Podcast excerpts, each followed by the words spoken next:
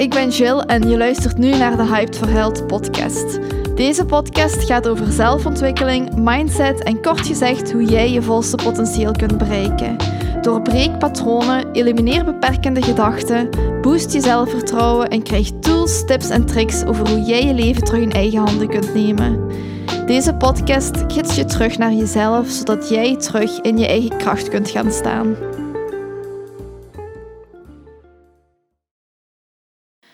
Hey allemaal en welkom bij de allereerste podcast van Hyped for Health. Het is de eerste podcast en het leek me dan ook wel leuk om jullie eigenlijk mijn verhaal te laten horen of mijn verhaal aan jullie te vertellen. Uh, want dan krijgen jullie ook meer achtergrond van wie ik ben en wat ervoor heeft gezorgd dat ik op dit punt in mijn leven ben. Uh, en ik vind het ook altijd leuk om dat van anderen te horen. En ik heb vorig jaar, denk ik, voor de eerste keer mijn levensverhaal uitgeschreven. Dus alle gebeurtenissen um, die invloed hebben op mijn leven eens opgelijst en gekeken naar verbanden en misschien ook waar ik inzichten uit kon halen. En eens als je dat opschrijft, dan kun je zoveel inzichten daaruit halen. En dat is ook echt super helend, want toen ik dat had opgeschreven, dan ja, zag ik zo'n beetje de rode draad in mijn leven en kon ik ook linken uh, waarom ik bijvoorbeeld een bepaalde keuze heb gemaakt of waarom ik zo'n behoefte had aan een bepaald iets. Dus ik raad dat ook zeker aan om dat zelf eens te doen. Omdat je gewoon, ja, je, je krijgt dan overzicht en je krijgt dan structuur. En dan kun je ook een stapje terugnemen en kun je van op een afstand naar je eigen leven kijken. En ja, dat heeft echt heel veel moois voor me opgeleverd. Dus ja, uh, om te beginnen, mijn leven uh, was best wel een hobbelig parcours. Ik ben nu 23, ik word in augustus 24, dus ik ben nog wel jong, ik weet dat. Uh, maar ik weet ook dat ik bepaalde dingen heb meegemaakt in mijn jeugd die mij hebben gemaakt tot wie ik ben. En die toch wel een zekere indruk op mij hebben achtergelaten, waardoor ik misschien anders in het leven sta dan andere mensen of gewoon, ander, ja, gewoon dingen anders bekijk. En ja, daarom wou ik dat wel delen met jullie. Um, zoals jullie waarschijnlijk wel horen, ben ik van Limburg. Dus uh, ik ben geboren in Limburg, in Hasselt. Uh, ik woon nu in Genk. En um, ja, ik woon samen met mijn vriend en onze twee katten Poes en Pipa. Uh, ik ben doorheen mijn leven niet in Limburg alleen geweest. Dus ik heb niet alleen in Limburg gewoond. Uh, ik heb zowat... Ja, ik heb in Antwerpen gewoond. Uh, ja, meer in Oost-Vlaanderen, in Kildrecht. ik heb in Alken gewoond. Ik heb ook in Bilze gewoond. Ik heb in Hoeselt gewoond. Ik heb in Spurk gewoond. Dat is een deelgemeente van Bilze, maar het was toch een verschillende plek. Ik denk dat ik in totaal zo'n zeven keer ben verhuisd. Uh, en dat is toch wel best veel als je denkt dat ik nu 24 ben. Um, de reden waarom ik zo vaak verhuisd ben, is omdat mijn ouders gescheiden zijn toen ik vijf jaar werd. Dus best wel jong, uh, maar nog te jong om mij veel te herinneren van die periode.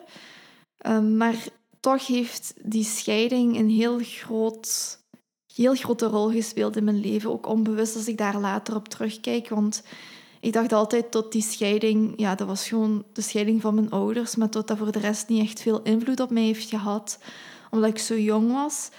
Uh, maar toch heeft dat sporen nagelaten en heeft dat toch wel een hele grote rol in mijn leven gespeeld.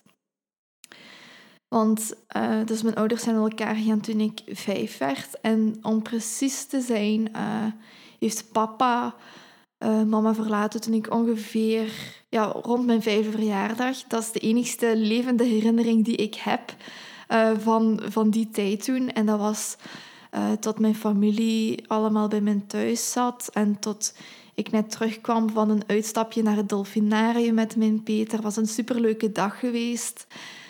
maar toen ik terugkwam, zat ja, volgens mij de mama van mijn mama thuis en uh, hing er zo'n heel trieste sfeer en was papa nergens te bespeuren.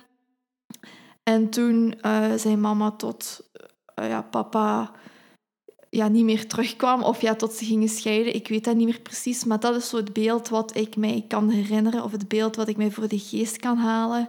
Als dat een juist beeld is, dat zal ik nooit zeker weten, want ja, doorheen de jaren veranderen uw herinneringen ook en je weet toch nooit zeker als hetgeen wat u herinnert ook wel echt waar is. Maar dat is de enige levende herinnering die ik heb. Uh, over zo'n herinneringen ga ik het zelfs ook nog hebben, want ik weet dat veel mensen ook niet echt. Dat er veel mensen zijn die ook niet echt zoveel levende herinneringen hebben vanuit hun jeugd. En daar is een verklaring voor. Uh, maar daar ga ik even zeker dieper op in.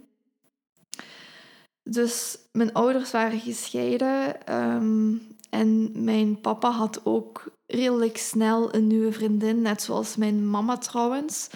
Dus ik heb er in mijn leven wel verschillende stiefouders gehad. Uh, langs mijn papa zijn kant had ik een stiefmoeder, waar mijn papa toch wel, ik denk, meer dan tien jaar mee samen is geweest, waar, waar het totaal niet mee klikte. Um, je kon dat eigenlijk zien als een boze stiefmoeder uh, vanuit de sprookjes. Uh, dus dat is mijn ervaring toch. En niet alleen de mijne, die van mijn zus ook. Um, het was zo geregeld dat uh, ik om het weekend naar mijn papa ging voor een weekend. Dus dat was geen co-ouderschap, maar meer zo een weekendregeling. En um, na de scheiding is mijn mama ook meteen vertrokken uit Limburg en zijn we dan in Oost-Vlaanderen gaan wonen, in Kildrecht.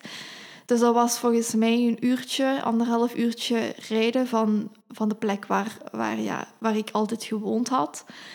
Dus dat, dat, zorgde er ook wel voor dat ik, als ik naar mijn papa moest gaan, ook wel anderhalf uur altijd moest ja, gebracht worden en anderhalf uur weer teruggehaald wordt. Uh, ja, terug uh, opgehaald moest worden. Dus dat was niet echt meteen bij de deur, wat er ook voor zorgde dat ik in Oost-Vlaanderen niet, ja, geen familie had, dat mijn hele familie in Limburg zat. En dat wij eigenlijk de enigste Limburgers waren in Oost-Vlaanderen of in Kielrecht, of ze voelden dat alleszins toch. Um, maar ja, dus om het weekend ging ik dan naar mijn uh, papa. En in het begin denk ik wel dat dat goed ging, maar naarmate we ouder werden, um, mijn, mijn, zusje was ook nog heel jong. Mijn zusje was eigenlijk nog een, een baby, laten we zeggen. Uh, tot hij dan om het weekend naar mijn papa moest gaan en ik was dan vijf jaar. En het werd al snel duidelijk dat onze stiefmoeder ons niet moest of ons echt niet daar wou hebben. Uh, dat uitte zich in, in echt letterlijk alles. Uh, het, het, beste gevoel wat ik kan omschrijven van hoe ik mij voelde als ik bij mijn papa moest gaan was ja, niet gewild. Uh, ik had het gevoel dat ik mij klein moest houden. Ik had het gevoel dat ik stil moest zijn en ja, gewoon dat ik zo min mogelijk mezelf moest laten zien of laten horen. Want als ik iets fout zou doen of zeggen, dan zou ik het wel dubbel en zo dik terugkrijgen. En dan, ja, dan zouden er dingen tegen mij gezegd worden die niet mooi zijn. En dan zou ik gewoon ja, belachelijk gemaakt worden. Dat was eigenlijk de sfeer die daar hing voor mij en mijn zus. Ik kon het met mijn stiefzus uh, en broer wel heel goed vinden. Maar met die stiefmoeder dan totaal niet. Um, als kind is het toch de bedoeling dat je je goed voelt in je huis en dat je het gevoel hebt dat je jezelf kunt zijn, uh, dat je gezien en gehoord wordt. En daar is het bij mij dan al misgegaan, want ik had het gevoel dat ik mij zo stil mogelijk moest houden, dat ik mezelf moest minimaliseren, dat ik zo min mogelijk moest opvallen, dat ik zo min mogelijk moest praten. En een basisnood van een kind is dat gezien en gehoord worden. En ja, die nood werd gewoon niet vervuld in die situatie waar ik zat bij mijn papa. En dat is toch wel heel essentieel voor ja, de rest van je leven en over je zelfbeeld wat je gaat ontwikkelen. Want dat wordt toch wel grotendeels beïnvloed door je ervaringen vanuit je kindertijd. Als je het gevoel had als kind dat je er niet mocht zijn, uh, dat je niet gehoord moest worden, ja, dan, dan tekent zich dat door in je leven. Dat is dan overtuiging wat heel diep geworteld in je gaat zitten, waardoor je automatisch je niet goed in je vel gaat voelen en onzeker gaat worden. En dat is bij mij ook wel gebeurd. Dus uh, door die jaren dan om het weekend naar mijn papa te gaan. Een weekend lijkt niet lang, maar als dat een weekend is waarin je de hele tijd moet opletten met wat je zegt en wat je doet en je zo stil mogelijk moet houden en moet minimaliseren voor ja, voor geen ruzie te krijgen, ja, dan is een weekend echt wel lang.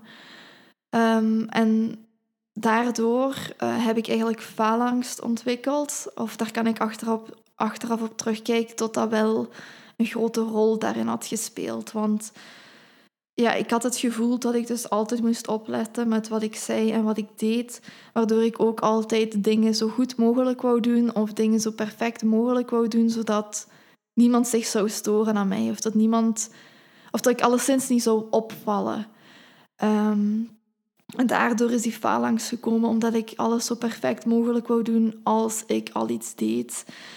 En die faalangst die heeft zich ook doorgezet voor ja, een lange tijd. Ik denk dat ik daarmee heb gezeten, nog zeker tot mijn, tot mijn hogeschool. Um, maar niet alleen die faalangst was een probleem, ook gewoon mijn onzekerheid. Ik stond niet sterk in mijn schoenen. Uh, ik durfde mezelf niet goed te laten zien. Uh, ik had heel veel, heel veel angsten. Als kleuter was dat ook al duidelijk dat ik ja, ik voelde mij anders als de rest. Ik had altijd het gevoel dat ik voorstond op andere kinderen. En niet in de zin van beter zijn dan, maar in de zin van. Ik had gewoon het gevoel dat ik minder kind was uh, als hun. Of dat ik gewoon minder. Uh, dat ik uh, ouder was als hun. Omdat ik, ja, ik was altijd bezig met, met dingen waarmee een kind niet bezig moest zijn. Ik stak alles in mijn hoofd, echt letterlijk alles waar een kind zich niet mee moet bezighouden. Als kind heb je toch... Allee, is het de bedoeling dat je een zorgeloze jeugd hebt?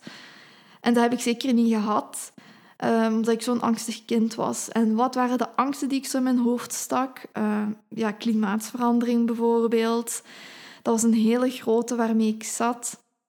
Ik herinner me echt nog een, een moment dat ik naar National Geographic keek. Dat was echt wel uh, de zender waar ik heel veel uh, naar keek, omdat ik dat super interessant vond. Uh, toen was ik ongeveer, laten we zeggen, dat was al een pakje ouder. Ik denk toen ik tien was of zo. Um, maar ja, ik had dan een documentaire gekeken op National Geographic over een vulkaan een vulkaan die zou uitbarsten. En als die ooit zou uitbarsten, dan zou dat het einde van de wereld zijn. Daar kwam het eigenlijk op neer. En uh, ik weet nog heel goed hoe die documentaire eindigde. Het eindigde zoiets van... Ja, niemand weet wanneer het precies gaat gebeuren, maar het gaat zeker gebeuren en de gevolgen zijn niet te overzien. Zo eindigde die. En ja, ik was tien en ik, ik stak die klimaatsverandering al heel enorm veel in mijn hoofd. Uh, waardoor die documentaire het niet makkelijker voor mij had gemaakt. Waardoor ik echt ja, bang had, nog meer bang. En ja, daardoor had ik ook nachtmerries en kon ik niet slapen en was ik met niks anders bezig. Die nachtmerries zijn trouwens ook echt een rode lijn in mijn leven. Ik heb van jonge leeftijd levendige nachtmerries gehad, uh, waardoor ik echt soms s'nachts wakker werd en ging slaapwandelen en ging schreeuwen. Dus echt wel hevige nachtmerries, waardoor ik ook ja, overdag ook niet altijd heel goed kon functioneren, omdat ik zo moe was van, van te slapen, omdat mijn, mijn nachtmerries zo levendig waren. En uh, daarvoor ben ik ook in behandeling geweest bij verschillende therapeuten. Uh, van gebedsgenezers tot therapeuten die terug naar vorige levens brengen. Omdat mijn mama was een beetje radeloos, want ik was zo'n angstig kind en ik had nachtmerries. En ik sliep niet goed en waardoor zij ook niet goed sliep. Waardoor iedereen er eigenlijk onder leed. Uh, maar ja, daarom heeft ze dan ja, hulp gezocht om te kijken van wat ik had en wat daaraan gedaan zou kunnen worden. Uh, en zo zijn we echt bij heel veel verschillende mensen geraakt. Bijvoorbeeld bij een gebedstherapeut die uh, die zei dat ik een Maria-kettingje moest dragen. En als dat Maria-kettingje weg was, dan zou dat over zijn, die nachtmerries. En zo van die dingen hebben we allemaal geprobeerd. En uiteindelijk zijn mijn nachtmerries ook wel weggegaan. Uh, als dat nu is doordat Maria wat verdwenen is, uh, dat hou ik in het midden. Kan van alles geweest zijn, ook misschien met ouder worden, tot je dan minder last hebt van nachtmerries. Maar ja, zo ziet je dat ik als kind toch wel het een en ander al heb meegemaakt en dat ik uh, niet zorgeloos was. Uh, dat uitte zich s'nachts uh, zeker. waarover die nachtmerries gingen, ja, dat, dat weet ik niet echt goed meer. Maar ik weet alleszins dat ze toch wel heel, heel levendig waren. Omdat ik zo vaak verhuisd was, ook als kind, uh, wil dat ook zeggen dat ik mij vaak heb moeten aanpassen aan nieuwe mensen en weer een nieuwe school. En dat was niet altijd gemakkelijk voor mij, want omdat ik zo angstig was, had ik echt wel nood aan vaste personen, aan een vaste omgeving. En door dat vele verhuizen zat het er niet echt in. Eh, maar achteraf eh, gezien heeft mij dat wel sterker gemaakt. Maar op dit moment was dat, of ja, op dat moment was dat gewoon echt niet gemakkelijk voor mij en maakte dat alles een beetje erger. Uh, want als ik mij iedere keer opnieuw moest aanpassen, was dat, ja, dat was echt een hel voor mij. Want ik was al zo angstig en dan kwamen er weer nieuwe mensen bij en weer een nieuwe school. En ik denk dat je daar wel over kunt meespreken, dat zo naar een nieuwe school gaan wel heel spannend was. En als je iemand zijt die dan ja, niet, niet zelfzeker is en gewoon heel angstig is, dan is dat, ja, dan is dat echt, echt gewoon een hel. Ehm, en die nieuwe scholen, dat ging niet altijd van een leien dakje. Zeker niet uh, mijn eerste nieuwe school waar ik naartoe ging. En dat was die school in Kildrecht. Um, daar ben ik toen gepest geweest. Ik denk het eerste jaar dat ik daar zat. Um, ik werd gepest door een jongen. Um, omdat ik zo, ja... Ik was niet echt moeders mooiste op die leeftijd. Uh, ik had zo'n ronde bril en ik had een kareke. Wat nog altijd geen aanleiding mag zijn om gepest te worden, maar je snapt het wel. Uh, als je er een beetje anders uitziet, dan, ja, dan zien mensen u, of dan zien kinderen u makkelijk als, als een makkelijk prooi om te pesten. Want ja, kinderen zijn ook maar... En kinderen zijn ook hard voor elkaar, dus... Uh, maar ja, ik werd gepest. Uh, dat zorgde ervoor dat ik ook echt niet naar school wou gaan. En dat iedere dag school voor mij echt een struggle was. En dat ik echt iedere avond moest wenen voordat ik naar school ging gaan. Uh, iedere zondag was het nog erger dan, dan andere dagen, omdat ik net weekend had gehad en dat ik dan naar school moest gaan. Want toen, toen kreeg ik ook echt last van die Sunday blues. Uh, dat een zondag geen zondag meer was, maar een verlengde van de week. Uh, dat ik al zondag bezig was met het piekeren over maandag en dat ik terug naar school moest gaan. En dat wou ik absoluut niet. En door te wenen hoopte ik dat ik mocht thuis blijven. Maar ja, dat, dat gaat natuurlijk niet. Je moet naar school gaan. Uh, maar ja, ik werd toch wel uh, sterk gepest. Uh, zelf op een moment herinner ik mij nog zo goed. Uh, kwam die mama van die, die jongen naar mij toe op de speelplaats. En die zei van, waarom pest je mijn zoon? En ik dacht van, maar het is andersom. Uw zoon pest mij. dus toen stond ik... Ja, toen wist ik helemaal niet meer waar ik het had. En toen was ik zo in paniek. dus dat pesten op school heeft ook wel, wel dingen op mij achtergelaten. Want ik was dan niet echt zo zelfzeker. En als je dan ook gepest wordt, ja, dan, dan, dan, dan zinkt je eigen waarde al helemaal in je schoenen. En dan heb je het gevoel dat je al helemaal niks meer waard bent. En ik denk dat ik toen ongeveer zes was, zes of zeven. Door dat pesten en door dat niet goed in mijn vel voelen, heb ik ook een jaar moeten overdoen op die school, op diezelfde school. Ook omdat ze vonden dat ik te traag was in wiskunde, wat achteraf gezien echt dikke onzin was. Uh, maar dat jaar heeft mij uiteindelijk wel goed gedaan, want toen ben ik in een klas beland met mensen ja, die gewoon lief voor mij waren en waar ik echt wel in de groep hoorde. Dus achteraf gezien uh, was dat jaartje overdoen wel een, een, een verademing voor mij. Uh, want ik was weg van die pestkop, ik, die zat niet meer in mijn klas. Uh, waardoor ik ook het gevoel had dat ik mezelf meer kon zijn. Waardoor ik echt wel vrienden had kunnen maken. En waardoor ik ook gewoon mezelf weer kon zijn. Dus achteraf gezien was dat een welgekomen verademing en was dat wel heel fijn. Um, voor de rest, uh, ik, ja, we hebben ongeveer, ik denk, een paar jaar in Kildrecht gewoond. Ik denk drie jaar ongeveer. En toen zijn we terug naar Limburg gekomen. Uh, zijn we naar Alke verhuisd. En dat was het moment van die uh, vulkaan, van die paniek, paniekaanval, van die angstaanval. Um, dus dat was, zo kun je eigenlijk een beetje schetsen hoe het was. Want ik ben blijkbaar niet zo goed in een verhaal structureel vertellen, maar ik hoop dat je kunt meevolgen. Als je gewoon mijn punt hieruit kunt halen, dat is gewoon alles wat telt. Maar dus we waren verhuisd naar Alken. Weer een nieuwe school, weer nieuwe mensen. Uh, en die school was eigenlijk goed voor mij geweest. Want vanaf het eerste moment dat ik daar aankwam, werd ik met open armen ontvangen. En ja, ik voelde mij daar goed en ik werd ook niet anders bekeken, omdat ik anders sprak dan de rest. Want in Kielrecht was dat zo. Uh, ik was de enige Limburger in school. En ja, een Limburg, Limburg, Limburger uh, praat nogal traag en praat nogal op een speciale manier. En ja, dat konden ze niet echt zo uh, hebben daar. Want ja, we moesten ook echt zo in de school, vooral mijn, mijn zusje heeft dat meegemaakt, moesten echt zo op zijn Antwerps of Oost-Vlaams praten. In plaats van ijsje moest je ijsje zeggen. Uh, dus daar, werd wel op gelet en er werd nog wel extra aandacht op gevestigd. Maar, dus dat ik terug in Limburg kwam wonen, heeft mij zeker goed gedaan. Uh, terug uh, met de mensen die ongeveer hetzelfde als mij spraken. Ja, op dat moment sprak ik al wat meer Oost-Vlaams, maar dat was wel redelijk snel uit mijn systeem. Ik denk niet dat je daar nu nog iets van hoort. Maar die school was dus goed voor mij. Ik had heel veel vrienden gemaakt. Um, en eigenlijk ging daar alles wel goed. Ik voelde me daar oprecht wel gelukkig. Dat is ook de periode wat ik aanduid als mijn gelukkigste kindperiode, denk ik. Uh, de meest zorgeloze periode.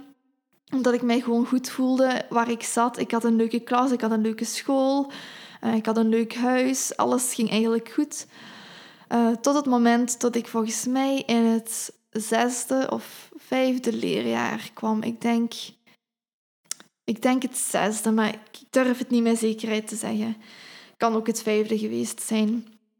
Maar uh, dus, dat werd onze klas opgesplitst.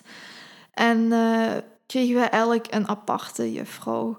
En de juffrouw die ik kreeg, uh, die werd... Ja, daar hoorde je allemaal slechte dingen van. En dat die heel streng was. En ja, ik was al een beetje angstig voordat ik in die haar klas belandde. Dus ik heb heel de vakantie daar eigenlijk bang voor gehad. Van wat als die streng is en wat als ik me daar niet goed in ga voelen en wat als dat niet fijn is. Dus dat hele zomer in mijn hoofd gestoken. En ja, toen belandde ik bij haar in de klas. En omdat ik zo mijn overtuigingen had van zij is streng, omdat mij dat gezegd werd, um, voelde ik mij ook niet echt goed in die klas. Want achteraf bekeken was ze echt wel een hele fijne juffrouw. Um, ze was streng, maar ze was zeker rechtvaardig en ze was ook super lief. Uh, ook achteraf uh, heb ik ook met haar daarover gepraat, of, of ja, met mijn mama erbij, omdat ja, ik zat daar zo in mijn hoofd. Um, maar omdat ik dat zo in mijn hoofd stak, uh, heb ik een moment gehad dat ik in blinde paniek ben geslagen. Ik kan me niet meer herinneren wat de precieze aanleiding was. Maar ik weet dat ik niks meer kon zeggen, ik kon niks meer doen. Ik was helemaal stijf van de angst. Uh, en toen is de dokter mij van school moeten komen halen, want mama was aan het werken, dus ik kon niet komen.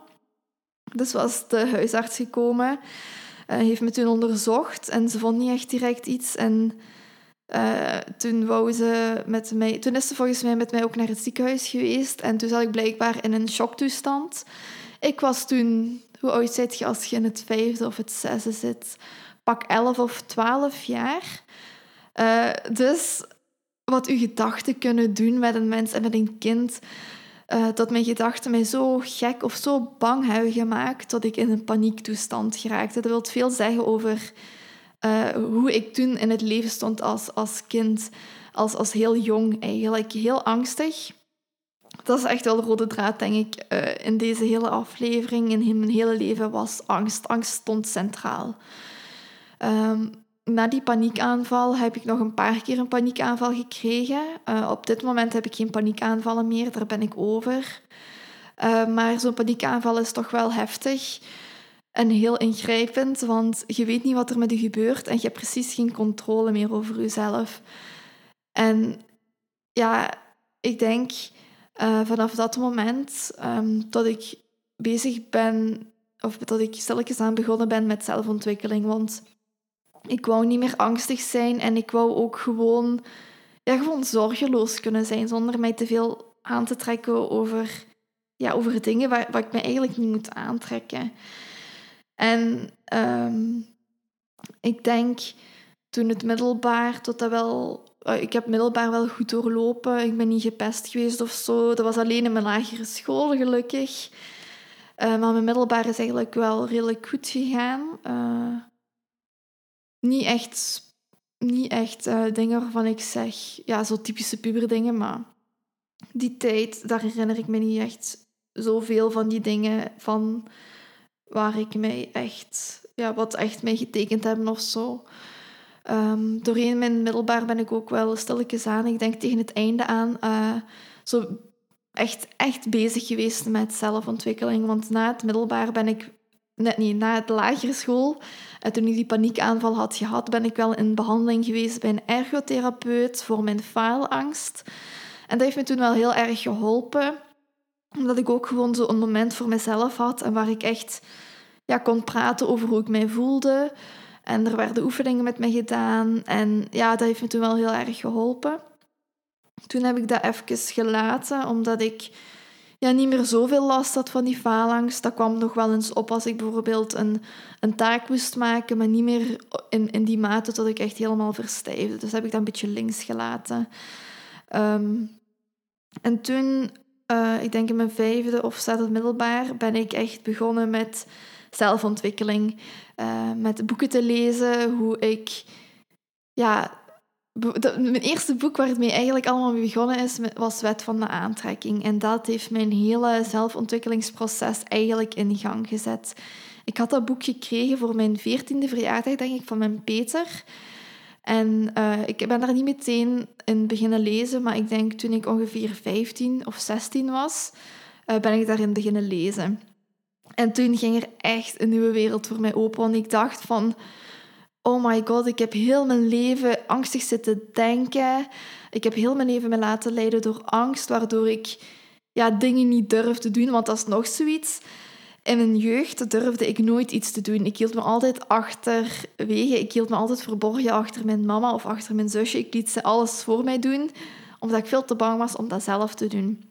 Dus ik duwde eigenlijk altijd mensen voor waardoor ik eigenlijk constant in mijn comfortzone bleef. Dus uh, ja, dus heel mijn kindertijd is een beetje mijn comfortzone geweest. Uh, ik durfde dingen niet en als ik iets moest doen waar ik bang van was, ja, dan kon ik echt panikeren en zat ik weer in zo'n paniekaanval.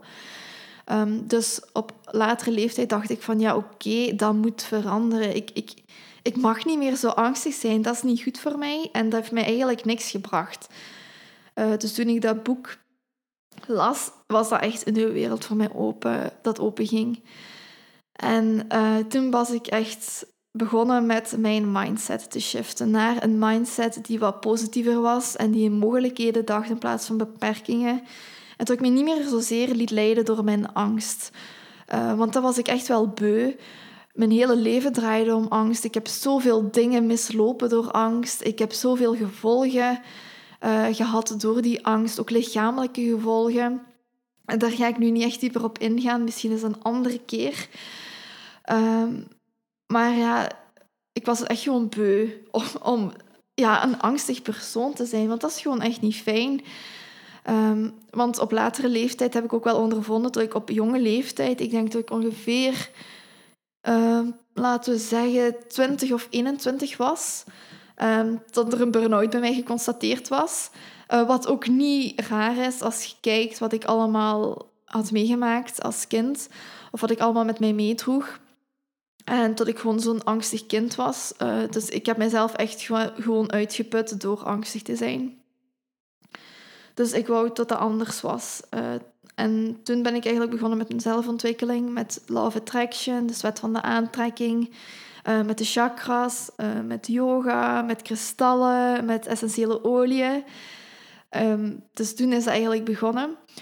Uh, maar natuurlijk, toen die burn-out geconstateerd was, op, een, op, een, op een jaar of zo, voor een paar jaar ga, gaan die, die wonden wat je hebt toegebracht aan je lichaam, ja, niet wonden, maar je weet wel wat ik bedoel. Al de inspanningen wat je hebt gevraagd van je lichaam, zijn die nog niet weg. Dus ja, natuurlijk werd er dan een bijnieruitputting, dus uh, burn-out geconstateerd bij mij. Uh, waardoor ik, ja, toen was het ook echt wel duidelijk dat ik echt weinig gelukshormoon in mijn lichaam had. Uh, ja, dus ik voelde me gewoon niet goed in mijn vel. Ondanks dat ik bezig was met mindset, met zelfontwikkeling, met love attraction. Dat was gewoon even de tol van, van, de, van de jaren angst dat er nog op mijn lichaam zat. Um, maar uiteindelijk ben ik wel uit die burn-out geraakt na een aantal jaren. Um, maar natuurlijk kwam hogeschool, of ja, toen zat ik in de hogeschool en school is echt altijd voor mij een struggle geweest. Ik was nooit een kind dat graag naar school ging. Uh, ook gewoon om die prestatiedruk, die falenangst. En ik had het gevoel dat ik mezelf gewoon constant moest bewijzen. En dat ik mij constant moest aanpassen uh, ja, aan anderen. En ja, daardoor voelde ik, ja, voelde ik mij gewoon nooit echt goed op school. Buiten de laatste jaren hogeschool, ik denk de laatste twee of drie jaren. Uh, toen heb ik zoiets gehad van fuck it. Ehm, ik doe dit gewoon, maakt niet uit hoeveel jaar ik erover doe. Uh, als ik het maar doe en als ik gewoon maar mezelf ben. Want ik vind het heel belangrijk dat ik mezelf niet verlies in hetgeen wat ik doe, als dat nu school is of als dat nu werk is. Ik wil mezelf kunnen zijn. En toen heb ik ook gezegd van, ah, ik gun mezelf gewoon de tijd om, om dit te doen, uh, zonder dat dat ten koste gaat van mijn gezondheid. Want dat wil ik echt niet meer. En toen ben ik ook echt, echt, echt bezig uh, geweest met zelfontwikkeling. Want je kunt lezen over zelfontwikkeling, je kunt tienduizenden boeken lezen, maar als je niet gaat implementeren wat je leert en leest, dan gaat je leven niet kunnen veranderen. Dus uh, dat was het punt dat ik echt begon met dingen te doen die mij zouden helpen. Uh, zoals meditatie, dus echt mijn gedachten observeren, mijn gedachten omdraaien, um, affirmaties, uh, scripting, dus mijn, mijn, mijn toekomstscripten. maar ook gewoon mijzelf de tijd gunnen en de ruimte gunnen om ook gewoon in stil te staan en stil te zijn en dingen te doen die ik leuk vind, in plaats van altijd productief te willen zijn. Um, gewoon de ruimte aan mezelf geven om ja, stille momenten te hebben. Um, vaker de natuur in te gaan, uh, te beginnen met bewegen ja, gewoon alles te doen zodat ik mij goed in mijn vel voel. Uh, ook, ook gestopt met zo vaak het nieuws te kijken, want uh, dat ben ik nog vergeten te zeggen, maar in de tijd dat ik uh, faalangst had, was ook hoogsensitiviteit bij mij geconstateerd. dus dat is ook wel een reden waarom ik zo'n angstig kind was, omdat ik zoveel prikkels binnenkreeg en ik niet wist wat ik met die prikkels aan moest. En waardoor ik ze gewoon opzoog als een spons. Uh, dat is eigenlijk waar hoogsensitiviteit bij mij op aankomt. Dat ik gewoon alles, dat ik gewoon de prikkels niet op tijd kan verwerken, waardoor ze ja, de bovenhand gaan nemen bij mij. En waardoor ik overprikkeld geraak en dan sneller in een paniektoestand kan geraken. Dat was hoogsensitiviteit voor mij. Op dit moment identificeer ik me niet meer echt met dat label, omdat ik daar ook gewoon beter mee kan omgaan. Tot ik me niet meer laat labelen als hoogsensitief, omdat ik gewoon weet van ik ben veel meer als dat. En ik heb nu wel een manier gevonden hoe ik daarmee kan omgaan. En dat manier is bijvoorbeeld meditatie. En ook gewoon uw gedachten opschrijven. Want als kind hielden we allemaal een dagboek bij. Eh, maar als we ouder worden, stoppen we daar ineens mee. Terwijl dat zo krachtig is als je gewoon kunt opschrijven wat er in je omgaat, hoe je dag is geweest. Als je gewoon een papier hebt waar je op kunt kribbelen. Om alles gewoon even los te laten in plaats van alles in je hoofd te houden. Want vanzelfsprekend gaat dat u, ja, gaat dat u gewoon niet goed doen voelen en gaat je daar gek van worden. Um, dus ja, daar ben ik dan mee begonnen. En dat heeft me eigenlijk op het punt gebracht uh, dat ik nu ben. Um, ik ben niet meer angstig, of toch echt niet meer in de mate waarin ik angstig was. Ik heb echt het gevoel dat ik nu de controle heb over mezelf. Um, ik heb wel momenten dat ik echt soms nog angstig ben, maar ik weet dan ook hoe ik mezelf uit die angst kan halen. En dat, ja, dat is ook de reden waarom ik ervoor heb gekozen om mindset coach te worden.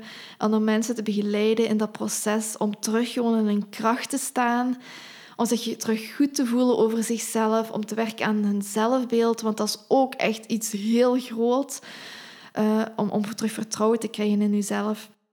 En daar heb ik ook de laatste jaren, ben ik daar ook echt intensief mee bezig geweest, om gewoon mijn zelfvertrouwen terug op te krikken, want mijn zelfvertrouwen was echt bijna onbestaand.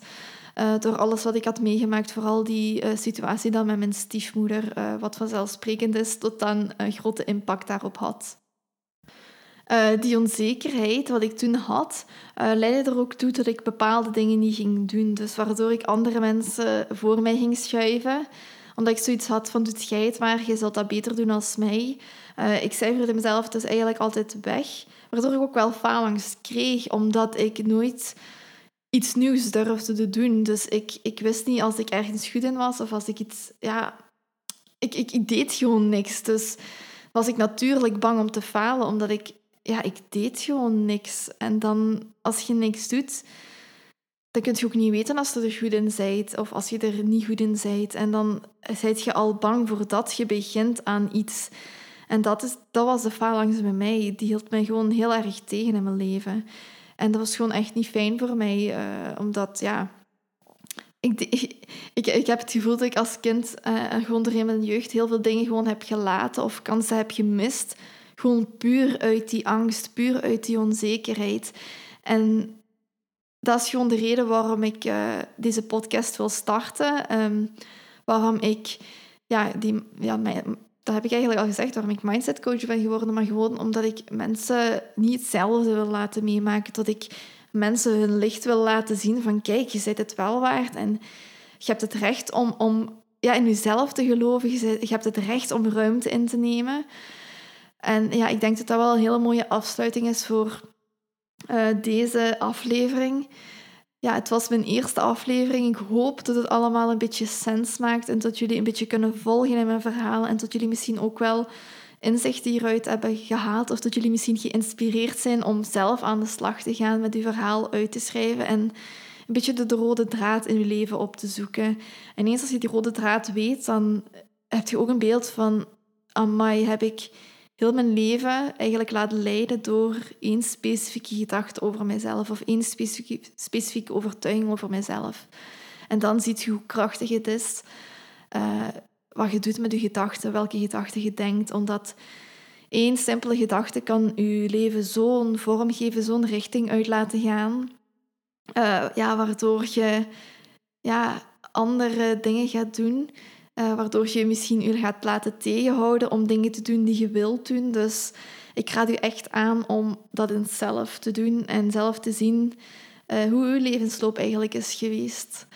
Um, ik wil ook nog duiden uh, dat ik op dit moment een goede band heb met mijn papa.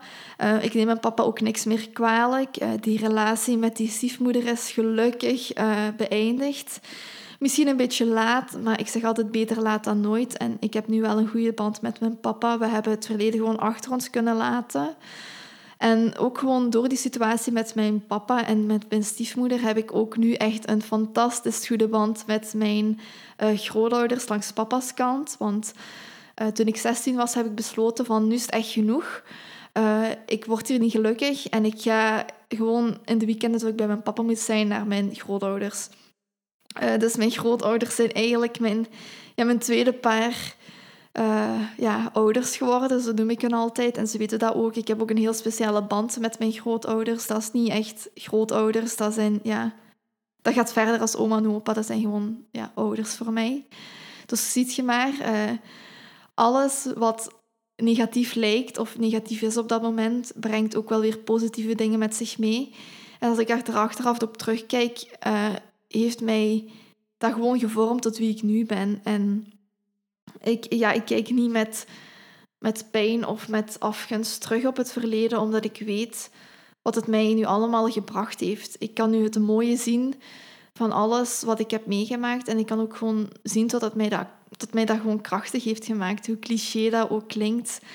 Um, dus laat uw verleden nu niet een rol spelen in uw leven. Laat dat achter u. En weet dat je veel meer bent, dat je nu wel je, leven kunt bepalen. Je kunt nu richting geven aan je leven. Je moet... Je bent gewoon niet gedetermineerd aan je verleden. Je bent je verleden niet. Je kunt nog een heel andere richting uitgaan met je leven. Je kunt zelf beslissen hoe je je leven wilt hebben. Maar daarvoor moet je het verleden durven loslaten. Je moet stoppen met je identificeren met je verleden. En je moet gewoon ja, uit die slachtofferrol een beetje kruipen. Want uh, ik kon ook in de slachtofferrol gekropen hebben van arme ik. Uh, ja, wat is, er is mij zoveel onrecht aangedaan. Uh, ik ga ook niet zeggen dat ik de ergste kindertijd ooit heb gehad. Dat wil ik zeker niet zeggen, want ja, ik heb relatief wel een, een, een goede jeugd gehad.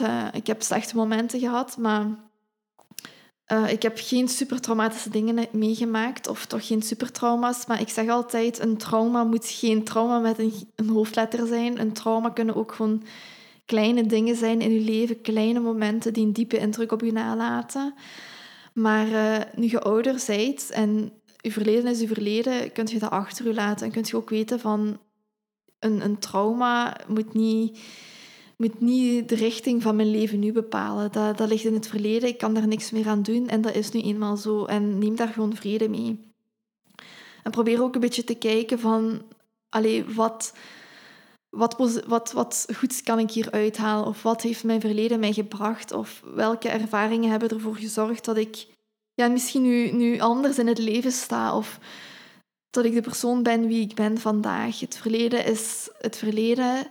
En nu hebt jij de keuze om je leven zelf richting te geven. Dus dat is eigenlijk een beetje wat ik wil meegeven met deze podcast. Ik kom ook nog even tot het besef dat ik gezegd had in het begin van de podcast dat ik, dat ik het ging hebben over het herinneren van herinneringen. Uh, maar dan ben ik een beetje uit het oog verloren, maar dat wil ik toch nog even kort duiden voor ik deze podcast uh, afsluit. Veel mensen die kunnen zich niet echt herinneren, herinneren wat er in hun kindertijd is gebeurd. En dat is ook niet altijd raar, want als je bijvoorbeeld een kind waart dat net zoals mij heel angstig waart en dingen in hun hoofd stak wat, wat ze eigenlijk niet moesten in hun hoofd steken en gewoon heel erg bezig was met de toekomst, dan leeft je eigenlijk niet in het moment. En als je niet in het moment leeft, kun je geen herinneringen creëren of geen bewuste herinneringen creëren. Waardoor je, als je ouder bent en nu terugdenkt aan je kindertijd, je je eigenlijk niet veel kunt herinneren. Maar dat is omdat je zo in die angstmodus zat. Je zat eigenlijk in de overlevingsmodus. En vanuit die modus kun je gewoon niks opslaan, omdat je zo bezig bent met overleven en je bent gewoon bezig met andere dingen in plaats van herinneringen maken. Uh, dus als jij iemand bent die net als mij niet zo heel erg veel herinneringen heeft, over, over uw kindertijd, dan is dat ook echt volstrekt normaal en je moet je daar niet raar voor voelen. Um, het is misschien niet altijd fijn dat je je dingen niet kunt herinneren, um, maar weet dat dat normaal is als je gewoon heel angstig waart. Um, dat, je, dat angst en herinneringen maken gewoon niet goed samengaan. Uh, je zult je misschien wel dingen herinneringen, uh, herinneren, uh, dingen die een grote indruk op je hebben nagelaten, maar die kleine leuke herinneringen, die zullen wat moeilijker zijn of die zou je niet kunnen herinneren. Um, maar dat was eigenlijk uh, wat ik wil zeggen in het begin van de podcast. Um, maar dat wil ik dus nu even nog duiden voor ik uh, deze podcast afsluit. Um, dus dit was de, dat was eigenlijk de podcast, de eerste aflevering. Uh, laat me zeker weten wat je ervan vindt en wat je graag nog zou willen horen van mij. Volg mij ook op Instagram, at want daar deel ik dagelijks stories en posts en dan uh, kunnen jullie contact maken met mij. Vind ik altijd leuk als jullie dat nog niet zouden doen. En ja, dan uh, hoor ik jullie volgende keer weer in een nieuwe podcastaflevering. Bye!